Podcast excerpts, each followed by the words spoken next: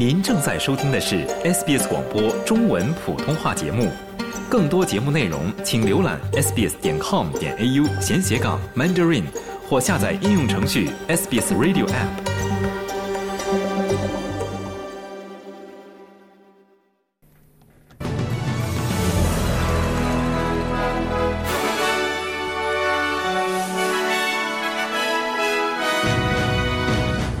济指标预测明年全澳经济好转。全澳道路死亡人数达五年来最高。昆士兰洪水时，西澳发生丛林火灾。冰岛火山爆发，四千名居民已撤离。下面请听新闻的详细内容。展望经济指标预测，澳大利亚经济在二零二四年将有所好转，尤其是在年底时。澳大利亚西太平洋银行 Westpac 和墨尔本研究所收集的一系列着眼未来的数据点显示，经过十五个连续月的低于趋势水平之后，经济出现了意外的好转。Westpac 认为经济正在稳定。澳大利亚储备银行董事会将会对进一步提高利率持谨慎态度。阿尔巴尼斯政府前几个月的政客开支情况已经曝光。独立议会开支管理局称，安东尼·阿尔巴尼斯总理在2022年7月至9月期间使用了近70万澳元的公共资金。其中超过八点二万澳元用于总理的海外旅行。阿尔巴尼斯在赢得大选后不久就前往日本、印度尼西亚和欧洲旅行。在高花费者的名单上排名第二的是工作场所关系部长托尼·伯克，他花费了纳税人近四十万澳元。根据工党政府成员的一些声明，前北领地财政部长伊娃·劳勒将接替娜塔莎·费尔斯担任首席部长。费尔斯在被揭露持有该地区一家矿业公司的股份之后，于本周二提交了辞呈，理由是存在不可原谅的利益冲突。工党党团会议一致通过了这一决定。会议还决定，副首席部长一职将由现任原住民事务部长昌西·佩奇担任，两人将于今天宣誓就职。洪水正在侵袭昆士兰原北地区的另一个社区。热带气旋贾斯珀袭击昆士兰海岸一周后，昆士兰原北地区仍然感受着它的影响。偏远小镇科瓦亚马正在遭受威胁。由于前气旋贾斯珀的持续影响，预计未来几天约克角半岛将出现强降雨。九百四十四人的科瓦亚马镇预计将出现明显的河流水位上涨。西澳大利亚 Wheat Belt 地区一场失控的丛林大火正威胁着人民的生命和财产安全。紧急服务部门已向珀斯东北方向约一百公里处的西图迪耶、库恩德尔和朱利马尔的部分地区发出警告。消防和紧急服务部称。消防队的五名成员在卡车翻车之后受到了轻伤，其中一名四十多岁的男性被送往诺瑟姆医院接受治疗。新南威尔士州紧急服务部门昨日透露，又有三人在新州的公路上丧生。在本周引起关注的全国道路死亡人数统计中，发现全国道路死亡人数到达了五年来的最高水平。政府呼吁公众在这个繁忙的假期里要更加小心谨慎。新南威尔士州警察部长雅斯敏·卡特利昨天与紧急服务部一同发布了一份有关圣诞节和新年前的道路安全通告。Wear a seatbelt. I can't believe I'm still saying wear a seatbelt, but please. 系好安全带。我几乎不敢相信我还在强调这一点，但请务必系好安全带，减缓速度，确保不喝酒后驾车，不要在受药物影响下驾车，并确保留意你周围的环境，尊重其他驾驶者，保持冷静。道路事故可能造成的创伤不仅影响事故中的人，还波及整个社区，它是巨大的错误。我们只想告诉大家，尽量保持道路行驶安全。Quantas 因阻止一名女性携带辅助犬登机而被告上法庭。瑞秋·富勒顿需要他的辅助犬 Strike 来保护他，通过提醒他即将发生的医疗问题，以及在紧急医疗情况下寻求帮助。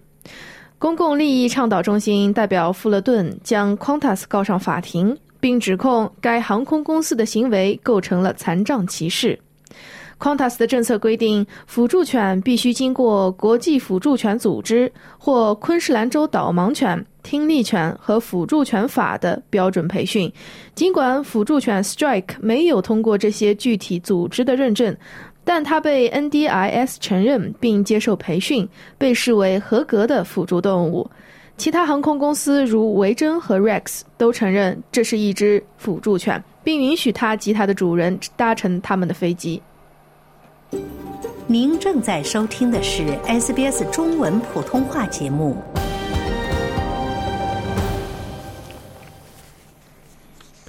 听众朋友们，欢迎回来，让我们关注更多国际新闻内容。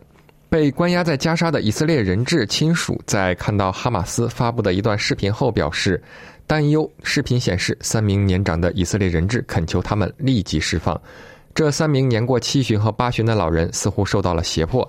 在视频的最后，可以听到他们高声呼吁：“不要抛弃年迈的我们。”视频中的人质之一查伊姆·佩里说：“这三人都患有慢性疾病，并指责以色列抛弃了他们。”视频中的三位老人之一的儿媳阿亚拉·梅茨赫尔说：“他非常的担心。” I was very emotional when I saw. 我看到他时非常激动，视频让我担心他的状况。我看到了他瘦很多，脸色变得苍白。我感觉他还是那个约拉姆，他并没有因此而崩溃，但我非常的担心。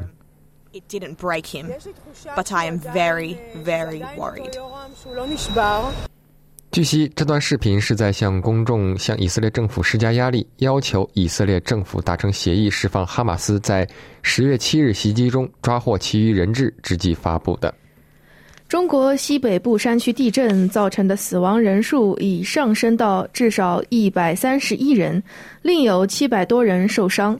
当地时间周三午夜前，甘肃和邻近的青海省发生了六点二级地震。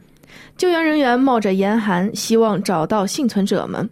九百多人在大河村的临时避难所匆忙搭建了一百零二顶帐篷。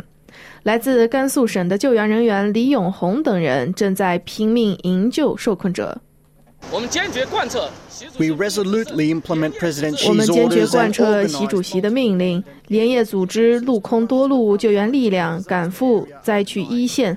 他们开展了灾情调查、人员搜救、伤员转运、居民安置等工作。群众安置等工作。冰岛壮观的火山爆发似乎正在远离居民区，这给人们带来了生命和家园幸免于难的希望。但当局警告称，地震活动可能会持续数月，而且该国首都的气体污染也令人担忧。据冰岛气象局称，火山爆发似乎发生在距离格林达维克镇约四公里的地方，该镇已经疏散了居民。警方正在检查，以确保格林达维克镇的四千名居民都没有返回。Now there's an eruption here near Grintavik, and we heard. 现在格林达维克附近发生了火山爆发，我们正在清理该镇和该地区。现在我们正在确保该地区的安全，关闭通往该地区的所有道路。现在还在进行中，但我们正在努力控制这里的局势。美国国家航空航天局 NASA 从约三千万公里外的太空飞船向地球传送了第一段从升空用激光传送的视频。视频的主角是一只追逐激光束的猫。美国国家航空航天局从大约三千万公里外的一个航天器上向地球传送了这段十五秒的视频。视频中是一只名叫 Tatus 的橙色虎斑猫。这段视频的接收速度超过了地球上大多数宽带网络连接的速度，为改善深空通信带来了希望。欧洲理事会和欧洲议会宣布，经过近三年的讨论，他们就移民政策达成协议。谈判一直持续到深夜，涉及许多复杂的问题，如移民等待期和边境巡逻政策。该协议现在将提交欧盟进行最终的批准。欧洲议会主席罗伯塔·梅索拉将该协议描述为历史性的。And I am convinced that we can find a way. 我深信我们能够找到一种尊重边界的方式，对需要保护的人公平人道的方式，对不符合条件的人坚定的方式，对剥削地球上最弱势人群的人贩子强有力的方式。Who are exploiting the most vulnerable people on our planet. 足球方面，三十一岁的马西莫·卢格温宣布退出国际足坛。卢恩格的职业生涯始于悉尼当地俱乐部 APIA，他曾是澳大利亚国家队的一员，并在2015年亚洲杯上夺冠。在决赛对阵韩国队时打入首球。他还是参加2014年和2018年世界杯的足球队成员。这位伊普斯维奇中场表示，为了专注于俱乐部足球，他已经选择退役。接下来，我们来看一下澳大利亚元的汇率。在国际货币市场上，今天一澳元可以兑换零点六七六美元，一点零七六新西兰元。同时，今天一澳元可以兑换四点八二二元人民币，五点二七九元港币和二十一点一五八元的新台币。嗯，来看一下全国各主要城市今天的天气情况。悉尼有阵雨，最高温度二十三度；墨尔本局部多云，最高温度二十五度；布里斯班有阵雨，最高温度二十八度；堪培拉多云，最高温度二十二度；阿德莱德晴，最高温度二十五度；珀斯局部多云，最高温度三十七度；达尔文有阵雨或暴雨，最高温度三十五度；霍巴特多云，最高温度十八度。